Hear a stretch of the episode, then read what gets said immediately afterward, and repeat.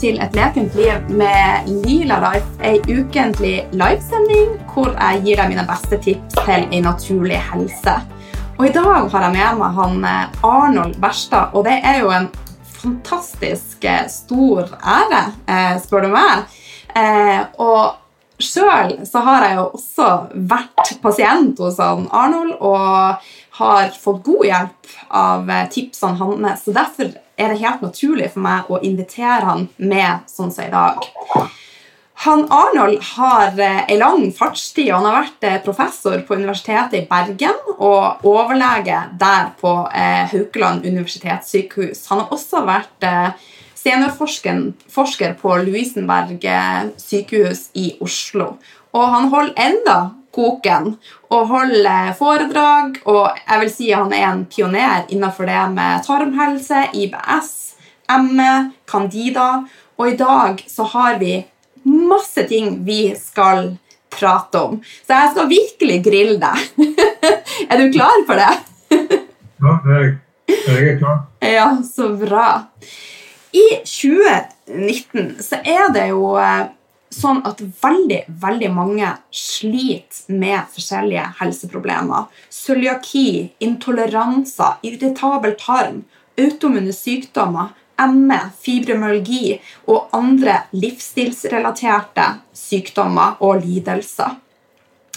Og Personlig så tenker jeg at det er ikke tilfeldig, og det er veldig sammensatt. Og sjøl har jeg jo erfart at eh, A fører til B, så jeg er jo sjøl blitt mye mye bedre kontra det jeg var for noen år siden. Så jeg har lyst til å høre dine meninger. Hva tenker du er årsaken til de problemene vi opplever nå i dagens samfunn? Og hvor starta det? Hvor starta de her problemene? Ja, hvor det starta? Ja, det starta i magen. Eh, og eh, og eh, Grunnen til at det starta i magen, det er at uh, veldig mye av det du nevnte, det har med det tannfloraen i tarmen å gjøre. Det er andre sykdommer også. Nå å, man begynt å fokusere på at det har faktisk med magen å gjøre. Dette med åreforkalkning og demens f.eks. Det er uh, ganske sikkert, vil jeg si, da, litt av det samme opplegget. Eller patogenetiske mekanismer er det samme. Mm -hmm. Og En vesentlig del av dette har med det tidligere antibiotikabruk å gjøre. Ja. Mine erfaringer. Ja. Så du tenker at antibiotika er en vesentlig årsak til mye av de tingene vi eh, opplever i dag. Men eh, når man har eh, fordøyelsesplager Du sier at mye starter i tarmen. Eh, hvilke symptomer, Hva er vanlige symptomer da med altså fordøyelsesplager? Altså, kan det utarte seg på andre måter? Nei, andre måter Men det, det, du kjenner i magen, det kan arte seg på litt forskjellige måter. Det, til å begynne med var det veldig mye fokus på dette her at man ikke tålte litt av dette mat. Mm. Og, og, så Vi fikk jo masse penger til å forske på om det kan for det visste ikke, Når det ikke var psykiatri, så måtte det være allergi. Men det var jo verken psykiatri eller allergi. Og det, det jeg kom fram til, var at bare med at pasientene klagde over matintoleranse, det var det samme som irritabel tarm. I praksis er det det samme. At eh, irritabel tarm og matintoleranse er det samme. Matallergier det, det presenterer seg aldri på denne måten jeg sier. Mm. Mm. Men my, altså, mye av immunforsvaret vårt ligger jo i tarmen. Så min erfaring er jo at når fordøyelsen ikke funker, så kan jo det gi smerter i, altså fra topp til tå. Det kan jo gi leddplager, det kan gi fibromyalgi. For at, som du sa, det meste starter jo i fordøyelsen. Og det er du vel enig i? Ja. ja. ja men det, den immunologien du nevner der, det er ikke sikkert at det har med immunologi å gjøre. Det, det vi ser, i hvert fall ser det er at det er en viss nedregulering av immunapparatet og tendens til autoimmunitet. Mm. Men, men, eh, men eh, sånn direkte symptomer eh, av det altså Det der med nedregulering av immunapparatet det er veldig likt det som skjer ved kreft. For ved kreft, kreftcellene også nedregulerer immunapparatet slik at kreftcellene får lov å være der. Og moderne kreftbehandling går ut på det å mobilisere immunapparatet mot kreften. Men Mm. så langt har ikke vi kommet når det gjelder, når det gjelder disse problemene. Det, der, eh, det som immu- eh, nedregulerer immunapparatet hos disse pasientene, tror jeg i hvert fall er vokst, vekst av sopp, candidasopp, i tarmen. Ja. Og, og den candidasoppen den har vært her på planeten lenge for oss, så Mm. den er også veldig smart. Mm. Slik at den nedregulerer immunapparatet, slik at han får lov å være der. Egentlig akkurat på samme måte som eh, kreftcellene. Og faktisk er det flere likheter her eh, enn som så. Det har også med metabolisme å gjøre. Ja. Dette at man eh, forbrenner karbohydrater på en spesiell måte. Både når man får kreft og når man får sånn irritabel tarm. ja. Det er utrolig eh, spennende det her. Men eh, fordøyelsen vår eh, Du eh, har fortalt meg deg en gang før om det at eh, altså, vi skal jo I magesekken skal én ting foregå, skal én ting foregå i tynntarmen, men så det er et eller annet som går feil her. Og de med IBS har eh, en del plager og som gjør at mye foregår nedi tjukktarmen. Kan du forklare litt om det? Ja, slik jeg ser det, så er det at eh,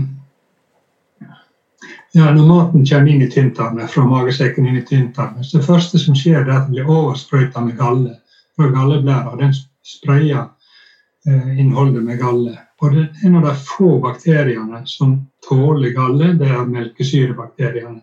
Mm. Så de er faktisk da dominerende i tynntarmen.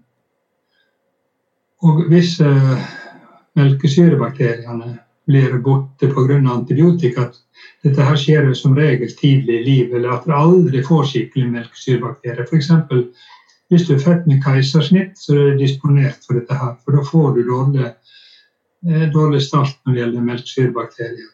Mm. Men også hvis du får antibiotika i første tre leveår, så er du spesielt utsatt. For da, da um, setter dette seg spor, for da kommer det vekst, når melkesyrebakterien blir borte, så kommer det vekst av sopp.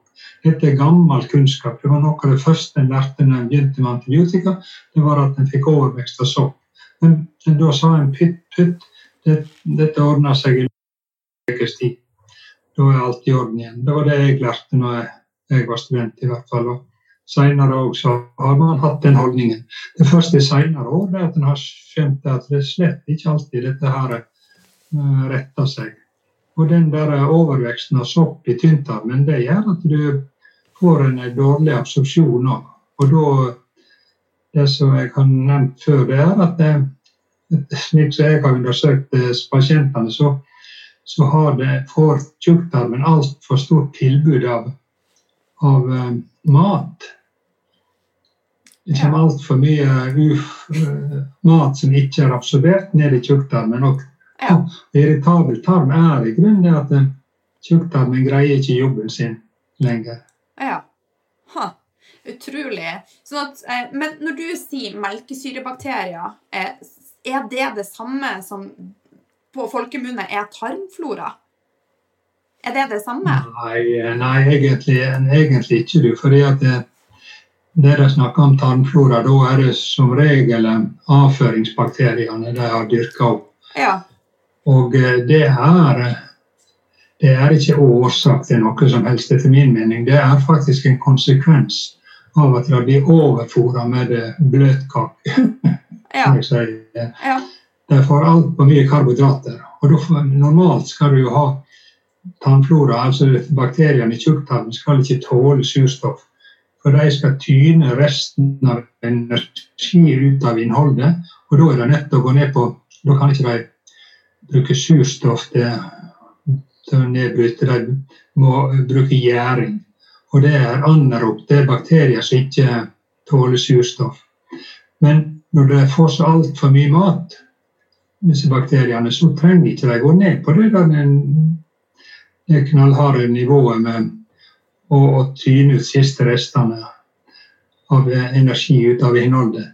Så du, du får mer enn du får mer den samme tannfloraen i tjukktarmen som du har i munnen. For i munnen der har du surstoff, selvfølgelig. Og, og de bakteriene som vokser der, de trenger jo slett ikke gå ned på eh, et nivå uten, uten surstoff. Og det, hvis disse her bakteriene i, i tjukktarmen får altfor mye mat, så innretter de seg deretter og lever Herrens glade dager. Og det vokser masse bakterier som aldri skulle vært der. Ja. Vi skal komme litt til hvordan kan vi løse dette. Men altså, det er jo et stort problem at vi er i ubalanse her. Så vi skal se litt på hva skal til for å komme i balanse igjen. Eh, ja, det, må vi jo. Det er jo viktig at eh, vi kan ikke bare fortelle om alt det negative her.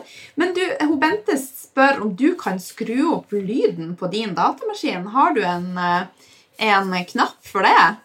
Og for dere som er med via Instagram, så kan det nok være bedre i dag å hoppe inn via min Facebook, for der eh, vil dere se både meg og Arnold. Nå blir det litt sånn monolog her, og så vil jeg jo tippe at eh, stemmen til Arnold også høres litt dårligere via Instagram.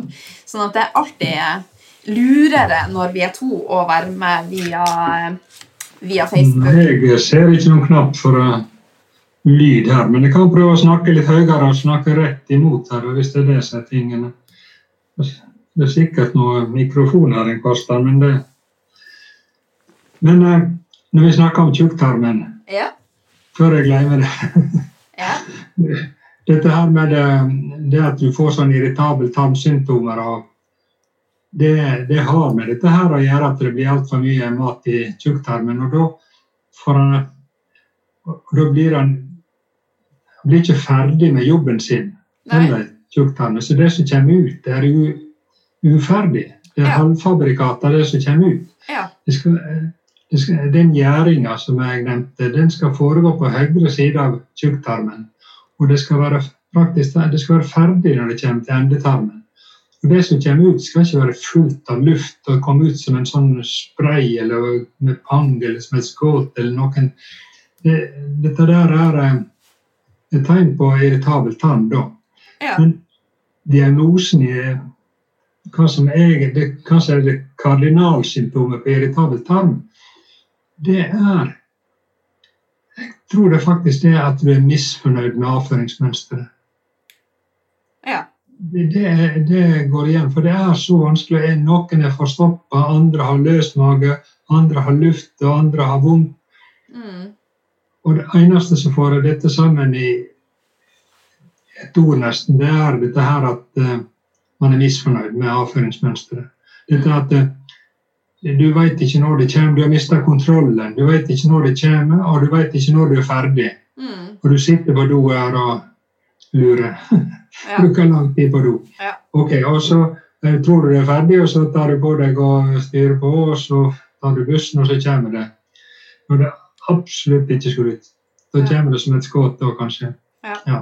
Og dette kan jo være veldig invalidiserende for mange. Ja, forferdelig. Ja. Sånn at det å klare å snu dette eh, er mulig. Eh, absolutt mulig. Eh, og det som er en realitet, er at fordøyelsen han er jo så utfattelig viktig. Eh, og hva tenker du om det med enzymer? Du satt deg inn i det? Og nedbrytinga av mat i magesekken? For der ser jeg jo også at det er mange som sliter med å faktisk få brutt ned maten. Og så kommer jo også problemene videre ned i tynntarm, hvor vi skal komme tilbake til candida, hvor næringsopptaket blir dårlig pga. det. Og eh, lekk tarm også. Jeg vet ikke om du eh, er Hva tenker du om lekk tarm? Nå er det mange spørsmål her. Lektarm det er ingen som kan måle lenger. fordi at eh, Før i tida så brukte vi et radioaktivt stoff, og da kunne vi måle dette nokså nøyaktig. Nå er det forbudt fordi at eh, man tør, eh, har fått mye større respekt for radioaktive stoffer.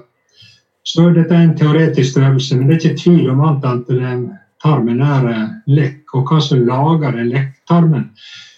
Jeg har lyst til å minne om disse her soppveksten i tinntarmen som vokser som tråder. Mm. Når soppen så lenge den vokser som sånne enkelte celler, så er den nokså ufarlig, og de fleste, fleste, har det. Alle har det. Alle har det egentlig. Men når han lager tråder vokser som en sånn da skiller han ut et enzym på tuppen som etes gjennom alle vegger. Og etes gjennom cellevegger, og, men også tannveggen, slik at du får denne her lekkasjen. Og, og uh, jeg har lurt på om det, dette er årsaken til at den fryser sånn. Når du får i deg karbohydrat uh, som havner i tjukktarmen, eller som ikke blir absorbert, i hvert fall, så, så begynner det å fryse etter tre kvarter. Og, og uh, ja. Dette har ikke noen god forklaring på det. Når, jeg vet jo det at den frysningene der du får sånn eh, kontraksjon av blodårene og så blir så kald og klam på hendene og beina. Det, det har med det oksidativt stress å gjøre. Men det blir sånne vanskelige forklaringer. Og eh, en forklaring kan være dette at det, det kommer over i blodbanen, og da reagerer kroppen på det og strammer blodårene til. Ja. At på frys overalt. Jeg tror det Ja, men du sa jeg klart å begynne med de sporene. Ja, vi kan komme tilbake til det. Jeg tror det meste kan forklares på en naturlig måte hvis vi går litt til årsaken og ser hva fører til det, og hva fører til det. Eh, Jeg synes at Et stort problem i dagens samfunn er at vi symptombehandler istedenfor å faktisk gå til kjernen av årsaken. Og i mange tilfeller så er det candida, det er lekktarm, det er en fordøyelsesproblemer. Eh, men candida, hva tenker du er årsaken til at vi får en oppblomstring av candida? For det er det jo veldig mange som har i dag. Og Fortell litt om hva candida er. Altså, jeg gir deg to spørsmål. Hva er candida? Og hvorfor får man en overvekst av candida? Ja, Candida er en eh, sopp som er ganske vanlig. Um, og um, som sagt så vokser den i to former. Så lenge så den vokser som sånn enkeltceller, så er den helt ufarlig. Men der har han laga disse trådene, hyfene, det er da han er farlig. Og det er det, den typen sopp som bryter ned alt i naturen etter hvert. Er Fordi at den eter seg inn overalt og bryter ned. Og, og vi òg skal vel bli til jord til slutt, kanskje. Så hvis soppen får styre på oss, så, så bryter han oss ned etter hvert. Og han påvirker som sagt immunapparatet. Og damene forstår dette med sopp veldig mye bedre enn mannfolka, fordi at de har de har melkesyrebakterier i Damene har melkesyrebakterier i skjeden. Der er disse bakteriene som holder det rent og ordna opp. Og, og de, eh, med en gang eh, når damene får antibiotika, så får de veldig opp, ofte oppbluss av candida i skjeden. Men du har akkurat like mye oppbluss i hele tannkanalen, helt opp i munnen. Gjerne ofte opp i tunga, til og med på tunga, når du får det grå, hvite belegget på tunga og slim i halsen, så er det soppen hele veien. Og som sagt, mannfolka de, de tenker ikke på at slim i halsen har noe med sopp å gjøre, og de ikke hverken kjenner eller ser denne soppen i tarmen. Slik at de har litt uh, mer problemer med dette med soppen. Men, eh, men når den vokser som sånn da bygger den også hus, lager en sånn kalt biofilm. Og da får du ikke tak på soppen med antibiotika lenger.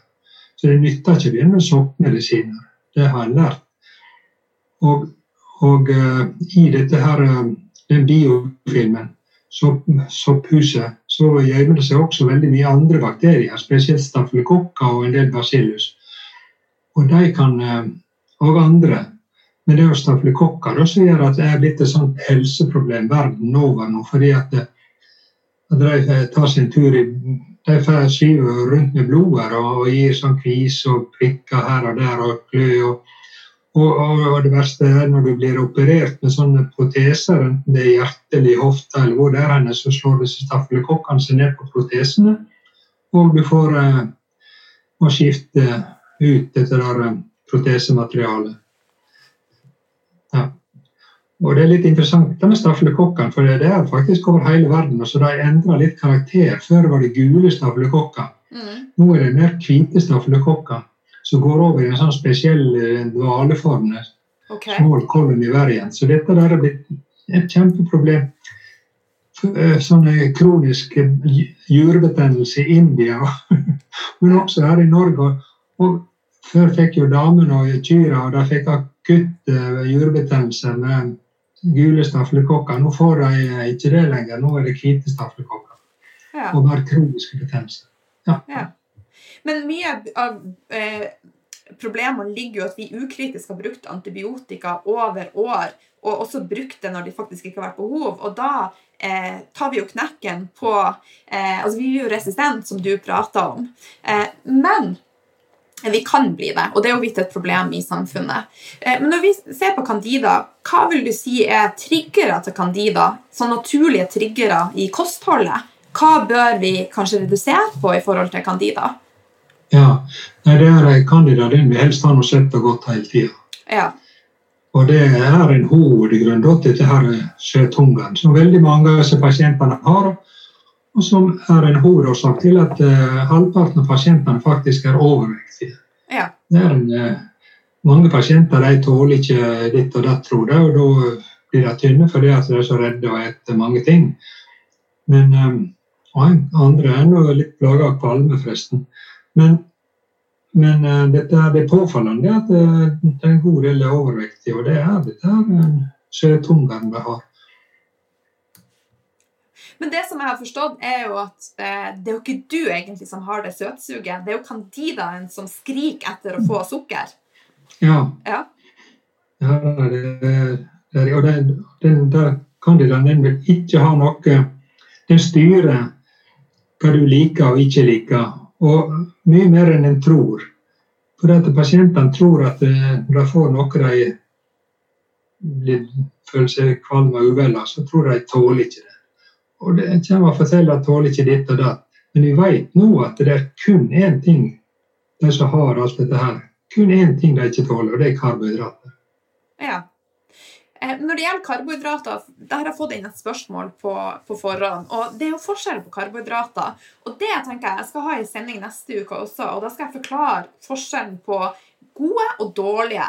For at det finnes jo gode karbohydrater bl.a. fra bær, og det finnes fra grønnsaker. og Du har karbohydrater som ikke brytes så fort ned. Så det kan jeg gå litt inn i dybden på neste uke.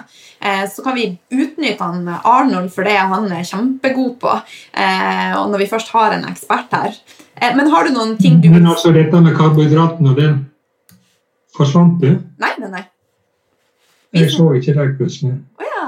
Eh, vi ser det. Ja, nå skal vi se. Men Ja, men dette med karbohydratene, det er det som er det nye med metabolismen nå. At det at det er karbohydratene som forgifter en og gjør at en føler seg syk. Og også at en legger på seg. Og alle disse symptomene har med karbohydratintoleransen å gjøre. Og man må ikke tro at det, og det som For ti år siden så lærte, kom det der til å holde seg borte fra det som heter FODMA. Men det vi nå snakker om, når du er så syk at du har både Eh, ja, ikke bare litt sånn økt gassproblem, så så jeg bare glem dette med forma. For det er for, først og fremst for å redusere gassproduksjonen. Når du har eh, disse her eh, symptomene over hele, hele kroppen, så, så er det alle karbohydratene som ikke er bra. Er du der? Ja, ja, ja. Da. Jeg må skrive inn e-mailadressen jeg fikk jeg beskjed om. Ja, ok. Vi Du snakker snakk litt, du, da.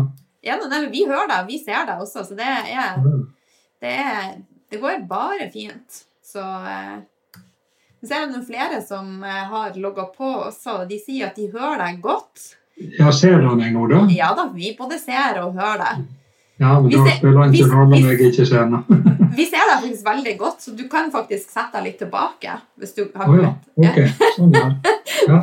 Vi har deg okay. sånn skikkelig close up. Ja. Ja. Ehm, men uh, vi var på det med karbohydrater. Så du mener at uh, med candida så må man være forsiktig med alle karbohydrater? ja, det, det var en Ja. Men det, det er ikke candida. Det, det har med hele Det er dette med metabolismen som har slått over en sånn eh, på, samme måten som kreft. Da får du Warburg-effekt, heter det. Dette der var noe som eh, Otto Warburg han fikk nobelprisen for for mangfoldige år siden. Det var det at kreftcellene de, de begynner å fordøye karbohydrater på en spesiell måte. Nå viser det seg at dette her også angår de som får, eh, får sånn kronisk tretthet og, eh, og fibromyalgi. At det, det er karbohydratmetabolismen som stogger opp midtveis. Du får ikke energi ut av karbohydraten. De hoper seg opp som uh, det er et enzym som heter pyruvat dehydrogenase. og det Foran det enzymet det hoper seg opp, og da blir det til melkesyre. Ja. Og Da får man vondt i musklene, og så danner seg et giftstoff som heter metylglyoksal, og det gjør at man føler seg småsjuk. Og så, Dette skal jo normalt brenne opp til energi, og det gjør ikke det her. Det, og Et sted må det gå, og da legger det seg rundt tarmene som fett. Og Det gjør at eh, hvis du legger på deg aldri så lite, så kommer det rundt magen som fett, og du blir så påfallende tjukk rundt magen. ja. Er det det her som du kaller delayed recovery? Den, Hva sa du nå?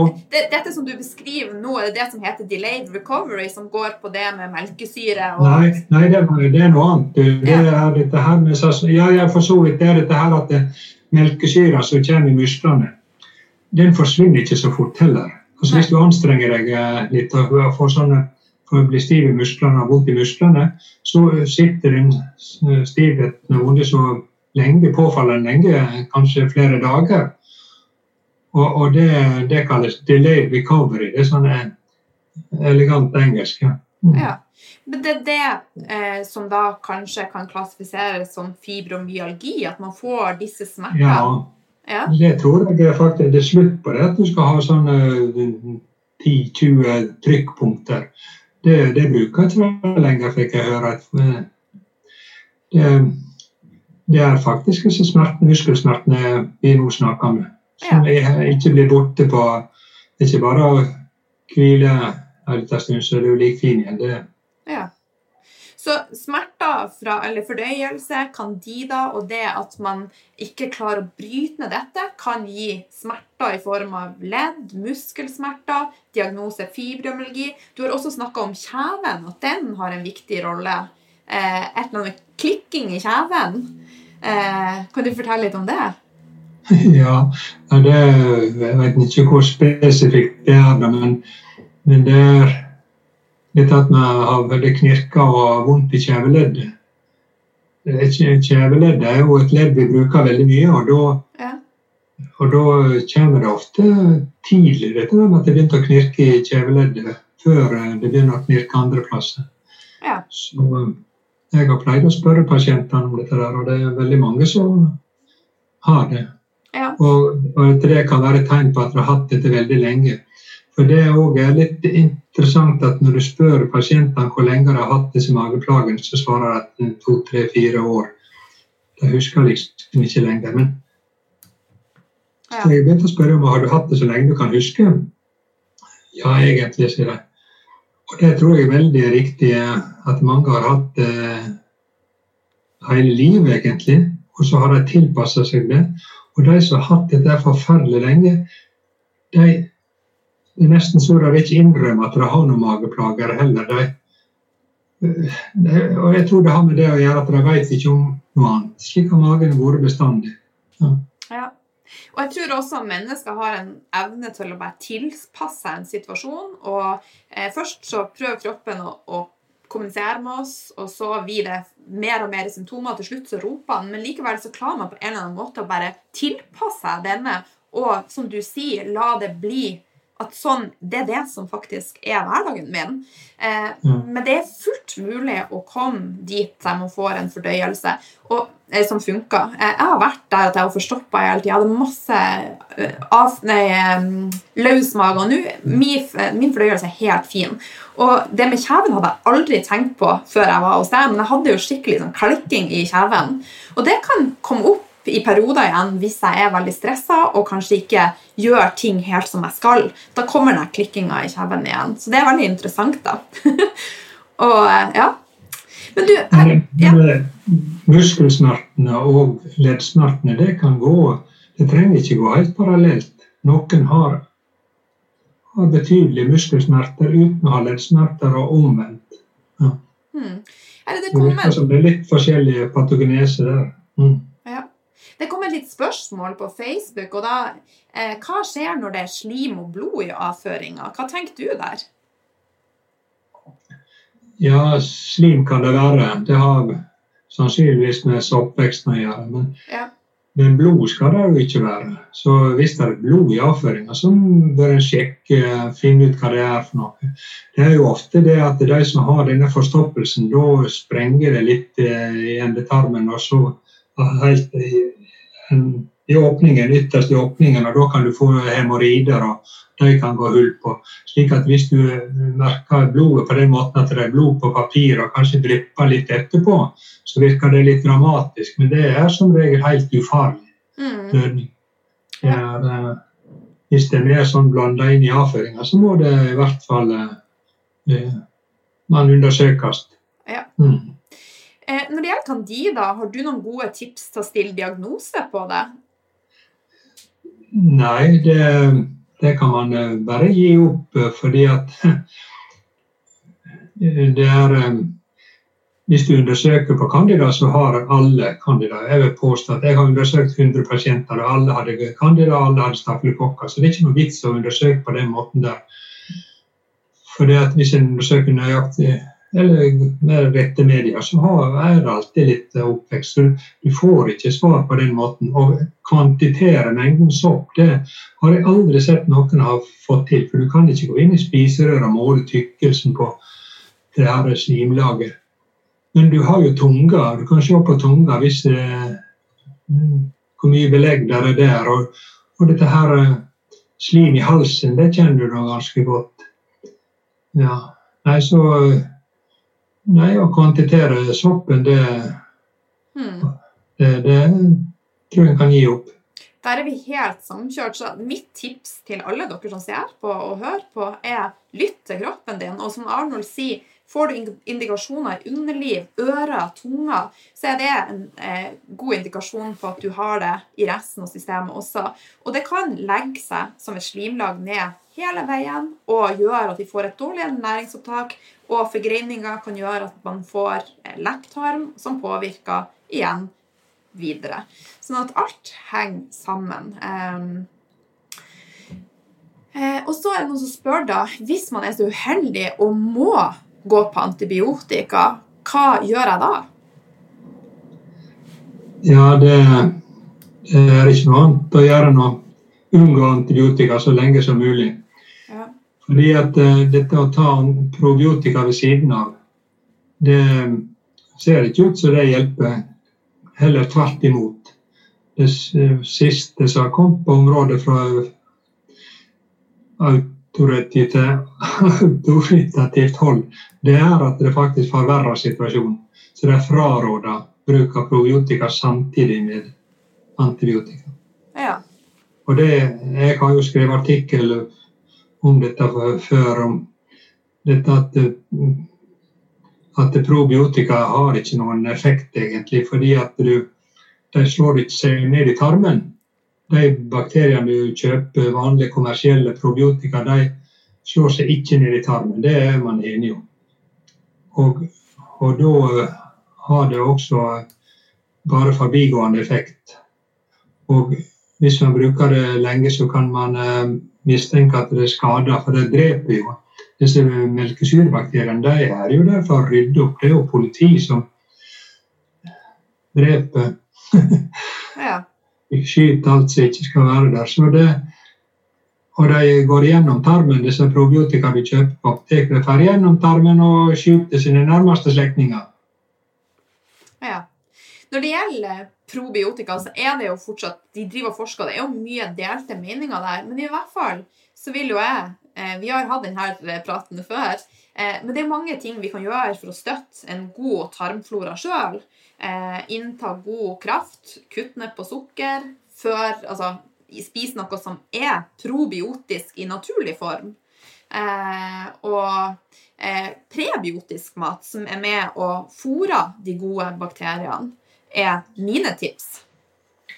Den der melkesyrebakterien må ha tryptofan. Ja. Det er som en baby på den måten. En baby også må ha tryptofan. Og det med en gang han er født. Og det får han gjennom morsmelka. Og melk er jo spesiallaga fôr egentlig for å, å gi tryptofan til en baby.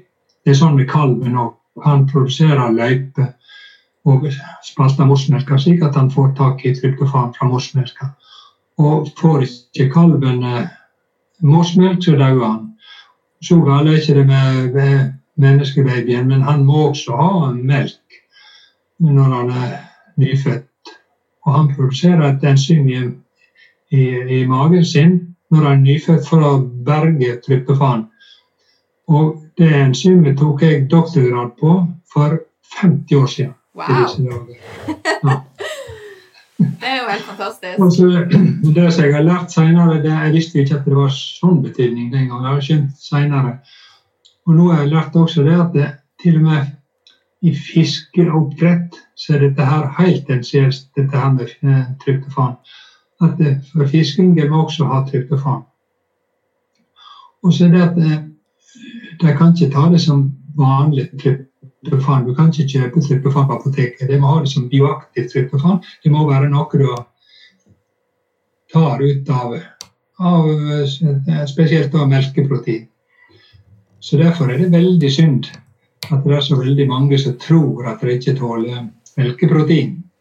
Fordi at melkeprotein, eh, pga. tryptofan, eh, der er det i, i rette formen. Hvis du får melkeproteinet hogd opp av enzymet, så, så får du tryptofan i enden, og det er spesialfôr for melkesyrebakterien. Og jeg ser ikke noen annen måte å behandle dette på enn å gi disse melkesyrebakteriene bioaktivt tryptofan. Tryptofan tryptofanpeptid. Og da har jeg lyst til å bare gå et lite skritt tilbake. Det er garantert noen her som ikke vet hva tryptofan er. Og tryptofan er en essensiell aminosyre. Det vil si at altså Proteiner er bygd opp av aminosyre. Sånn at vi må tilføre tryptofan eh, for bl.a. det Arnold prater om nå. Og tryptofan er kjempe, kjempeviktig. Eh, og det er jo forløperen til andre signalsubstanser som serotonin, ettersom jeg har forstått. Eh, så jeg har sjøl brukt tryptofan nå i flere år. Jeg har valgt å, å bare fortsette å bruke det. Eh, så jeg tar det eh, hovedsakelig på kveldene, da, eh, for at jeg merker at det er med og støtter søvnen min. Eh, og det er min logikk har resonnert til at det henger sammen med at tryptofan er forløper til serotonin, som igjen påvirker melatonin. Eh, så jeg vet ikke om du henger med på det? ja, jeg gjør det. Men for Tryptofan er eneste byggesteinen for serotonin og melatonin. Det er det som er kjernen å bygges på. Så det, det får du da serotonin, og så bygger du det på en litt annen måte, så får du melatonin. Og der også, i dag eh, For jeg har også lyst til å spørre deg litt hva du tenker om kommunikasjon, mage, hjerne. Eh, og jo mer jeg leser Jeg hører på podkaster dagen lang og forskning fra USA, og de tror jo eh, Det kommer mer og mer forskning som viser at eh, det meste av serotonin produseres i tarmen. Og hvis vi da ikke har tryptofan tilgjengelig, så vil vi jo også komme i manko på serotonin, som igjen kan føre til at vi blir deprimert og nedstemt. Ja, dette der er et forferdelig komplisert kapittel. Fordi at eh, den candidaen, den, den også den bryter ned tryptofan. Ja. Det bruker tryptofan til å, til å lagre seg immunendringene. Til å endre immunapparatet. Og slik at det går en god del tryptofan den veien. Og så er det en del andre tryptofan en del av Det er kun 5 av tryptofanet som går til serotonin. Ja. Alle 95% det går altså mye Soppen tar en god del. Og så er det det som skal gå til sånne indoler. Det er sånne signalsubstanser i naturen. Og Det er veldig interessant, for bakteriene sender beskjeder til hverandre. Og, og faktisk dette at det lukter avføring, den avføringslukta, det er en veldig viktig eh, signal om at det, alt er i orden. Og og, og, det er veldig farlig, faktisk, hvis eh, lukta forsvinner. Og det er tendens til at de som har irritabel tann, de har jo veldig mye gass, men lukta er delvis borte, og det er ikke noe godt tegn. Og, og så er det at disse signalsubstansene, en av dem, det er det indoler, kalles det. Det er jo veldig viktig for mukosaforsvaret, viser seg. Fordi at eh, slimhinna den, den, trekker seg sammen og beskytter seg en, når de får disse her signalene der. Det er jo kjempeinteressant. Ja. Hm. ja. Men, Men, å forstå alt dette i detalj, det er veldig vanskelig. Ja. ja. Men hva tenker du om kommunikasjonen mellom tarm og hjerne? Eh, du ser Ja, og der òg er det kommet andre nye Det er ikke bare dette her eh, serotonin og melatonin og, sikkert andre substanser òg. Men, men, det som er helt nytt, det er at dette her det, Bakteriefloraen i tarmen påvirker, påvirker sirkulasjonen. Og, og, og, dette tror jeg du får en, en uh, stive blodårer, og det slår seg ned kalk i blodårene. Det har faktisk med tarmfloraen å gjøre og, og, du får hjerneblødning og demens. Demens er helt klart eh, nå vist at det har med tarmfloraen å gjøre. Så, så, vi blir ikke ferdig med dette problemet på lenge ennå. For akkurat dette med demens det er jo helt nytt. Mm. Og det kommer til å bli forska masse på det etter hvert. Ja. Det er utrolig, utrolig spennende. Eh, så, eh, og jeg kommer, til å, jeg kommer til å ha livesendinger nå hver uke fremover, og jeg kommer til å dypdykke i de her tingene. Jeg har tenkt å løse det. Løse gåta. Så, eh, men du, du er, det er en kommunikasjon her, og jeg har lyst nå å bruke Tida hun flyr jo veldig, veldig fort. Eh, det er mye spørsmål her i forhold til eh, eh, tryptofan etc. Men hvis du nå skulle gi de som hører på, dine beste tips til å da klare å regulere en irritabel tarm, få en bedre livskvalitet. Eh, gi meg dine beste tips. Vi har pratet om tryptofan. Det er mange som lurer på hvor vi kan få tak i tryptofan. Det tar vi etterpå. Eh, men det er andre ting eh, som du ville ha gjort. Ja, det, Kosten er jo veldig viktig. Men du blir ikke frisk av kost alene. Så det, skal du bli frisk, så må du nok til med tryptofan. Men, men kosten betyr veldig mye for hvor mye plager du har. Og det er, det er ikke tvil om at dette her med lavkarbo og fettrik kost har fått vind i seilene. Det er, det er det som gjelder, altså fordi at karbohydratene det er det som lager problemene. Og og proteiner, egg, jo, går jo glimrende. Egg og bacon går fantastisk godt. Men det er ikke alt av protein som går helt uproblematisk gjennom og blir til energi. Enkelte aminosyre det blir jo brutt ned til aminosyre først. for Enkelte aminosyre går gjennom og blir til energi. Andre gjør ikke det og hoper seg opp. Så hvis en undersøker nøyaktig nøye, så er det alltid noen aminosyrer det blir for mye av. Det er de som ikke brenner opp. Og de som brenner opp, blir det for lite av. Men dette får ikke vi gjort noe med.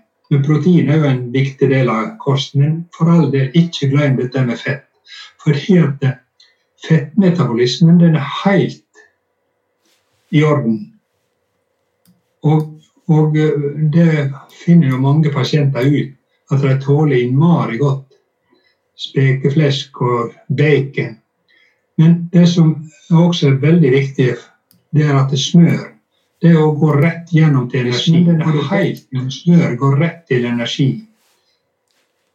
Og, og er, de som har dette her, er i sånn energimangel at de legger ikke på seg et gram av fett og bacon.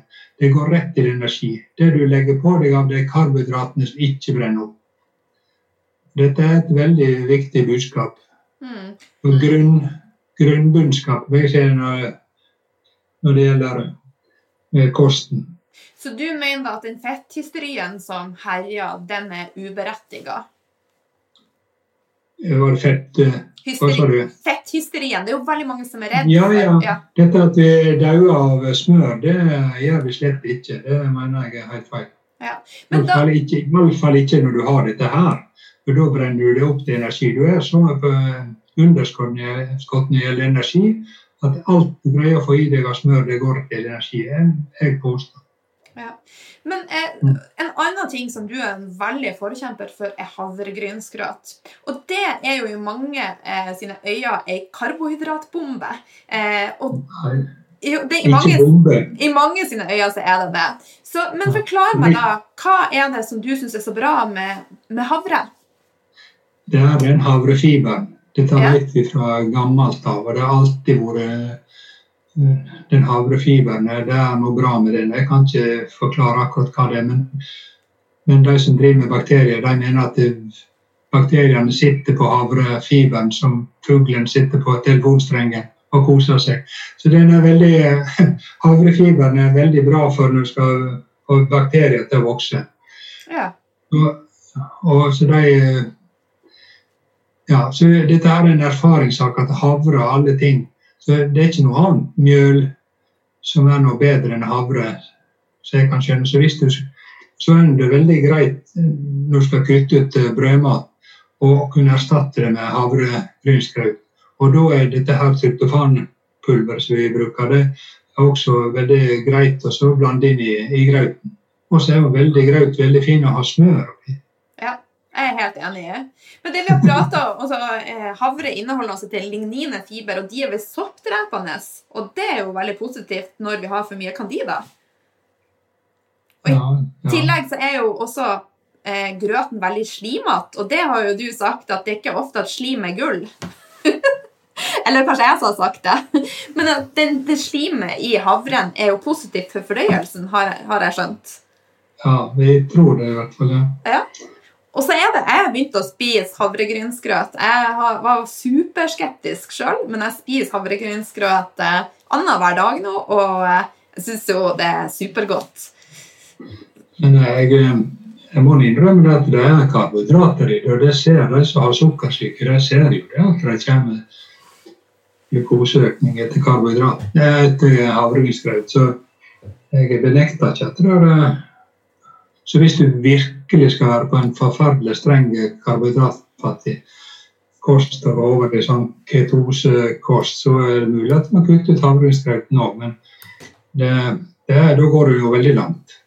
Men eh, der har jeg et tips. Eh, og det er jo, sånn som jeg spiser min havregrynsgrøt, så rører jeg inn en eggeplomme. Jeg har også eh, ekstra eh, eh, hva det heter, kollagen i. Og jeg har også MCT-olje, som er kokosfett, og masse smør. Sånn at jeg får mer fett og proteiner i det, og det holder blodsukkeret veldig stabilt. Så det er alltid en løsning. Ja. ja. Så. Men kokos er jo eh, interessant for så vidt på den måten at det, det hemmer litt soppvekst av det, men, men eh, jeg kan ha sagt at vi har smør, så det trenger ikke kokos. Men det er en liten tilleggseffekt av fokuset er enig i det. Ja, og Et annet sånn tips eh, til dere som hører på, det jeg gjør om morgenen når jeg står opp, jeg tar ei sølvskje og så skraper jeg tunga mi for å få bort eventuelle sopp og bakterier. Og så skjøller jeg munnen min med kokosfett, og som Arnold sier, så er kokosfett soppdrepende. Eh, og det skader ikke å gjøre det. Det koster ingenting, og det eneste man må gjøre, er å bruke ei sølvskje og bruke kanskje et minutt, så ja. Men Eh, ja, skulle du si noe, så avbrøt jeg deg. Nei, nei, nei. nei det var ja. Jeg har ikke hørt den. Eh, du ja, det siste spørsmålet jeg har til deg nå, eh, og så ser vi om vi rekker noen spørsmål som er kommet inn. Eh, hva tenker du om stoffskiftet oppi det her? Vil candida og fordøyelsesplager kunne være med å påvirke stoffskiftet? Det er veldig mange damer som sliter med stoffskiftet. Ikke direkte, men jeg tror det at indirekte via dette her påvirker immunapparatet. Og ja. tendensen til å danne autoimmunitet. Ja. Og det er en del pasienter som får, eh, får uh, lavt stoffskift, ja, det får anti-TPO, for et antistoff som heter anti-TPO. Og det er jo det greieste å måle, anti-TPO. Men selv om en har eh, den endokrinologene, de, de ser jo på hele pakken. så de sier at om du har anti-TPO, så er det ikke dermed sagt at du har en lav stoffskifte, men du kan jo risikere å få det før eller seinere. Ja. Sånn at det meste i kroppen henger sammen. Eh, mm. Sardiner har du ikke sagt noe om. Du er også veldig Nei. glad i sardiner. ja. Det blir så mye stakkars pasientene. når du har dette her, så liker ikke du verken tryptofan Den smaken av tryptofanpeptidene liker ikke du, og du liker ikke sardiner. Og det er dette her at det er ikke du som snakker, det er, det er soppen. Soppen vil ikke han også ta livet av. Så uh, sardiner det, det er veldig effektivt. Det er veldig god omega-3-kilde. Og det er ikke bare omega-3, det er andre eh, ting i det her sardiner som er veldig bra. Det så det er veldig billig og god eh, omega-3-kilde, i hvert fall. Mm. Ja. Og den, eh, den, boksen med sardiner som, han, som, du anbefaler, det er den som ligger i olivenolje. For da får vi litt dobbel effekt, for olivenolje er jo også veldig, veldig mm. viktig. Um, og i forhold til det med med Alzheimer, eh, så har jeg også lest en del om at de tror at det kan ha en sammenheng med, med insulinresistent. Altså at hjernecellene våre klarer ikke å nyttiggjøre seg glukose lenger. Og da vil jo bl.a. omega-3 er jo viktig da for å smøre alle celler. men de har forska på at kokosfett kan trenge gjennom eh, og tas opp på en annen måte, og ergo kan påvirke også hjernecellene. Så det er veldig spennende. Jeg tror nesten vi må ha flere livesendinger og eh, gå litt dypere i det her, hvis du har lyst til å være med, da. Så, men her er det kommet mange spørsmål. Eh, det er mange som spør om hvor kan man kjøpe eh, tryptofan. Eh, tryptofan, skal jeg fortelle om det, eller skal du fortelle om det? Ja, jeg kan nok fortelle, i hvert fall. For det, det, det jeg har jobba med nå i siste ti åra. Og det var en grunn til at jeg tok doktorgrad på den enzym, slik at jeg skjønner litt av det. Men eh, det er ikke det er bioaktivt tryptofan. og Da, da må en kjøpe dette fra et firma som heter Bauiltrit. Men det, dette kan du når du er praktisk i dag, kan du snakke om, kanskje. Ja. Jeg, jeg vil bare. Dette er ikke å kjøpe tryptofan i apoteket det er svindyrt. Ja. Og så er det andre som reklamerer med at en har tryptofanpreparat, men det har ikke de egentlig. Det er ikke noen som har knekt den koden der, for dette var en patentert sak i utgangspunktet. Mm. Men det pulveret som altså Arnold har vært med og utvikla det her, da, og det er jo også tilsatt en del av havreproteinene eller fiberen som gjør at opptaket også blir bedre. Er det ikke det? Ja, nei, det, nei, det vi har, men dette tror jeg har hatt litt fiber inni det nå pga. andre ting òg. Så dette fiberen der er den havrefiber som er, er bra for disse bakteriene når de skal vokse. Ja. Og så, men det er litt poeng med at havren er jo litt Eller fiber i det hele tatt Det er jo litt tøft for de som har dette her. Men det, da hvis en koker det opp slik at det svelger, da blir det, den fiberen mye mjukere og bedre for magen. Mm. Ja. Mm. Jeg vil bare understreke at jeg, verken jeg eller du har noen gevinst på det som selges av tryptofan. Vi gjør det for at vi brenner for dette. Sånn at dere ikke tror at jeg sitter nå og selger tryptofan, for det gjør jeg ikke. Det er veldig viktig for meg å understreke. Eh, men jeg kan dele informasjon om hvor eh, man kan skaffe tryptofan på, på eh, Lila Life i morgen. Og jeg vil for min del så har jeg kjent en stor forskjell på det tryptofanpulveret kontra å bestille en kapsel med tryptofan fra iHerb eller andre plasser. Som Arnold sier, så er dette tryptofanpulveret unikt. Og jeg vet at flere som er med her, har brukt dette pulveret og med veldig gode erfaringer. Og også eh, mennesker som sliter med alvorlige tarmlidelser som morbus Crohn og ulcerus kolitt, har hatt god nytte av det. Eh, men mine tips er jo også å tenke en helhet på livsstil og få ned stress. Eh, og tenke på relasjoner i livet. Og hele tida jobbe eh, med å ivareta hele deg, eh, det er fra mitt ståsted veldig, veldig viktig. Ja, det med, det med depresjon, det tror jeg de som har det der, har ikke depresjon. Og så stress, jeg vet ikke hvor mye det betyr egentlig, men det er noe angst.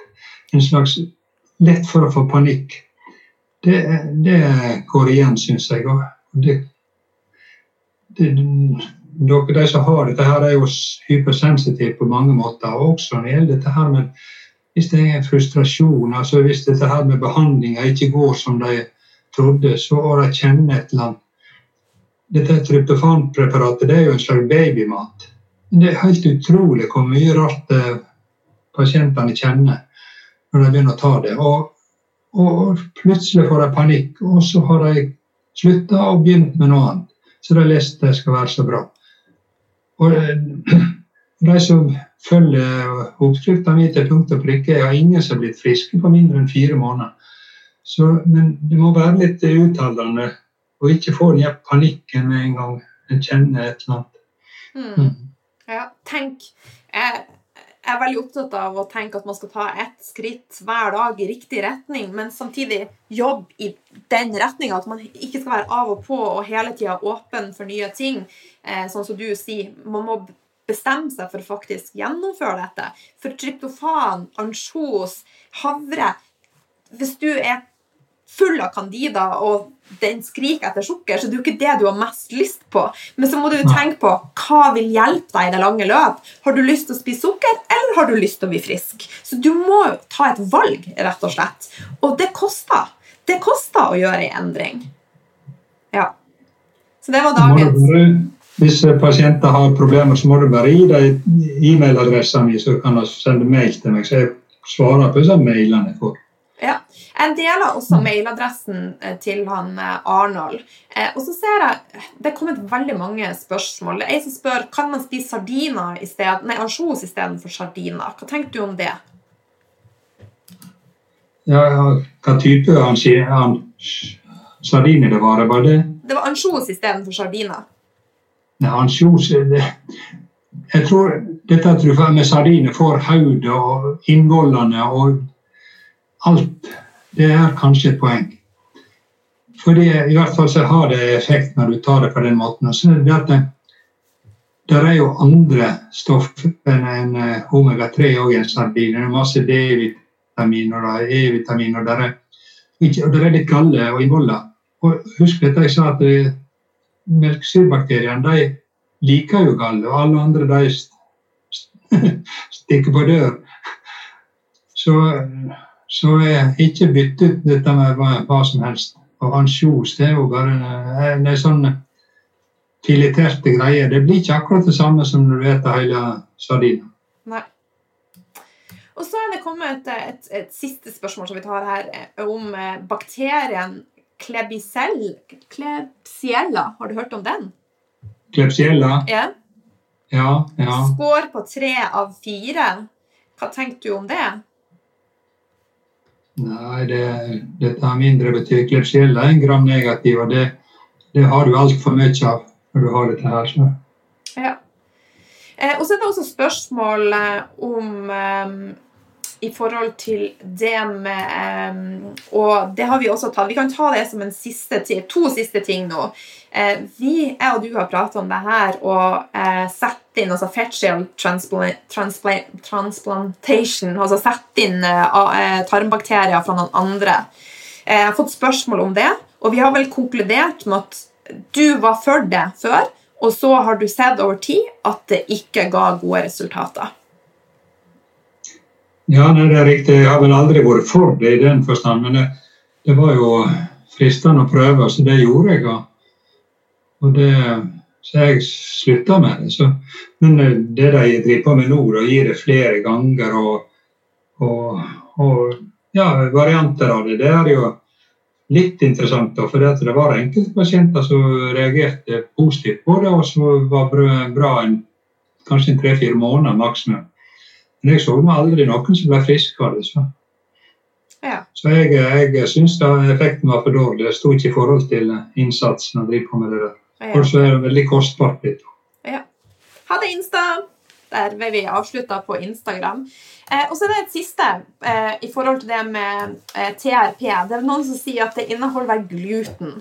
Eh, og Inneholder gluten Ja, dette her har ingenting med gluten å gjøre. Det var en stor misforståelse. Og dessuten så inneholder ikke det gluten av betydning. Nei. Og havre inneholder vel heller ikke glu... Altså, for gluten er ikke gluten. Det er ikke nødvendigvis Nei. glutenet heller som er problematisk. Det er mye ting som er med å spille inn. Ja. Ja. Ja, Det var en, en glipp, en feil, dette med at man begynte å skule på gluten. Det er da eh, Alle som styrer dette, har gått bort fra at det har noe med gluten å gjøre. Ja. Mm. Nei, men bra. Eh, da eh, Her er det mange spørsmål, men jeg samler de opp, og så tar jeg og svarer på de neste uke. Og jeg deler også på Facebook eh, informasjon om hvor vi kan få tak i tryptofan og mailadressen din. Eh, hvis du Nå vil jeg at du skal få avslutte dette, og da vil jeg at du skal bare oppsummere kjapt hva dine beste tips for å få en fordøyelse til å fungere og få ned candida. Kan du gjøre det? Oppsummere eh, kjapt. Og så vil jeg også høre en ting til før du har sagt det. Etter du har sagt det. Så oppsummer først. Ja, det var det lavkarbo og fettrik kost. Og så um, og eh, tryptofanpulver for å få vekst av melkesyrebakteriene. Og så sardiner er veldig bra. Og nok så ikke sånn agurkemeie, jeg tror det kan være bra for å få bort uh, litt slim. Det har ikke vi snakka om. Så det er i grunnen eh, et nøtteskall. Men jeg, for tida så driver jeg på med litt andre ting, men jeg har ikke lyst til å si det. Nei. Det, det, er, eh, det er faktisk andre ting òg som jeg driver på med. Det vil si at vi er jo bare nødt til å ha en livesending til. Ja, ja, Ja. Hvis jeg får vite litt mer, så skal jeg fortelle om det senere. Ja. Eh, så han sier også at gurkemeie Sjøl har jeg også jeg bruker eterisk olje med gurkemeie. Den er jo veldig, veldig konsentrert, og jeg bruker den eh, hver eneste dag. Pluss eh, jeg bruker også noe som heter muskatsalvie mot min egen candidas med stor, stor eh, eh, effekt av det. Men du, Arnald, eh, hvordan er din hverdag, da? Eh, altså, hva spiser du? Nå ser vi deg ikke. Nei, jeg, jeg har jo prøvd alt mulig. Veldig mye som jeg ikke har snakka om her. Så jeg, har, jeg eh, prøver alltid sjøl først. Men eh, jeg har ikke tatt fekaltransplantasjon, det har jeg ikke. Men eh, før i tida når jeg, når jeg begynte å sånn skopere dette og stikke instrumenter ned både ovenfra og nedenfra, og jeg fikk nye instrumenter, så fikk da jeg vi skulle vurdere nye instrumenter, så lot jeg assistentlegene prøve instrumentet for meg. så jeg har drevet på og prøvd på meg sjøl i alle år. Og alt det vi har snakka om, har jeg prøvd. Alt dette her. Ja. Men eh, ikke, jeg har ikke sånne alvorlige problemer, jeg. Altså, jeg eh, men jeg tror nå det at jeg kan kjenne litt når, jeg, eh, når ting virker. Ja. Bra. Men da tror dere, tror jeg at eh, vi avrunder for i dag, og beklager at vi ikke har fått svart på alle spørsmål. Er veldig glad for at dere har vært med oss eh, live. Vi har vært eh, over 200 stykker, så det er veldig, veldig artig. Eh, tusen takk, Arnold, for at du var med oss i dag. Og så tar jeg og oppsummerer neste onsdag mye av det vi har prata om i dag. Gå litt mer praktisk. Hvordan kan vi håndtere dette, og, kanskje se litt på ja, rett og slett veien videre. Så tusen takk eh, for følget, Arnold, og for dere som var med. Så ses vi neste onsdag. Ja, takk for meg. Ha det bra, Arnold, og ha det, alle sammen som var med. Ha det.